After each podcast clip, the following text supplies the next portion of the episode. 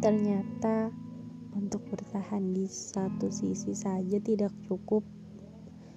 Untuk kembali ke posisi awal yang sudah terlanjur sakit pengen dibuat enak tapi nggak bisa.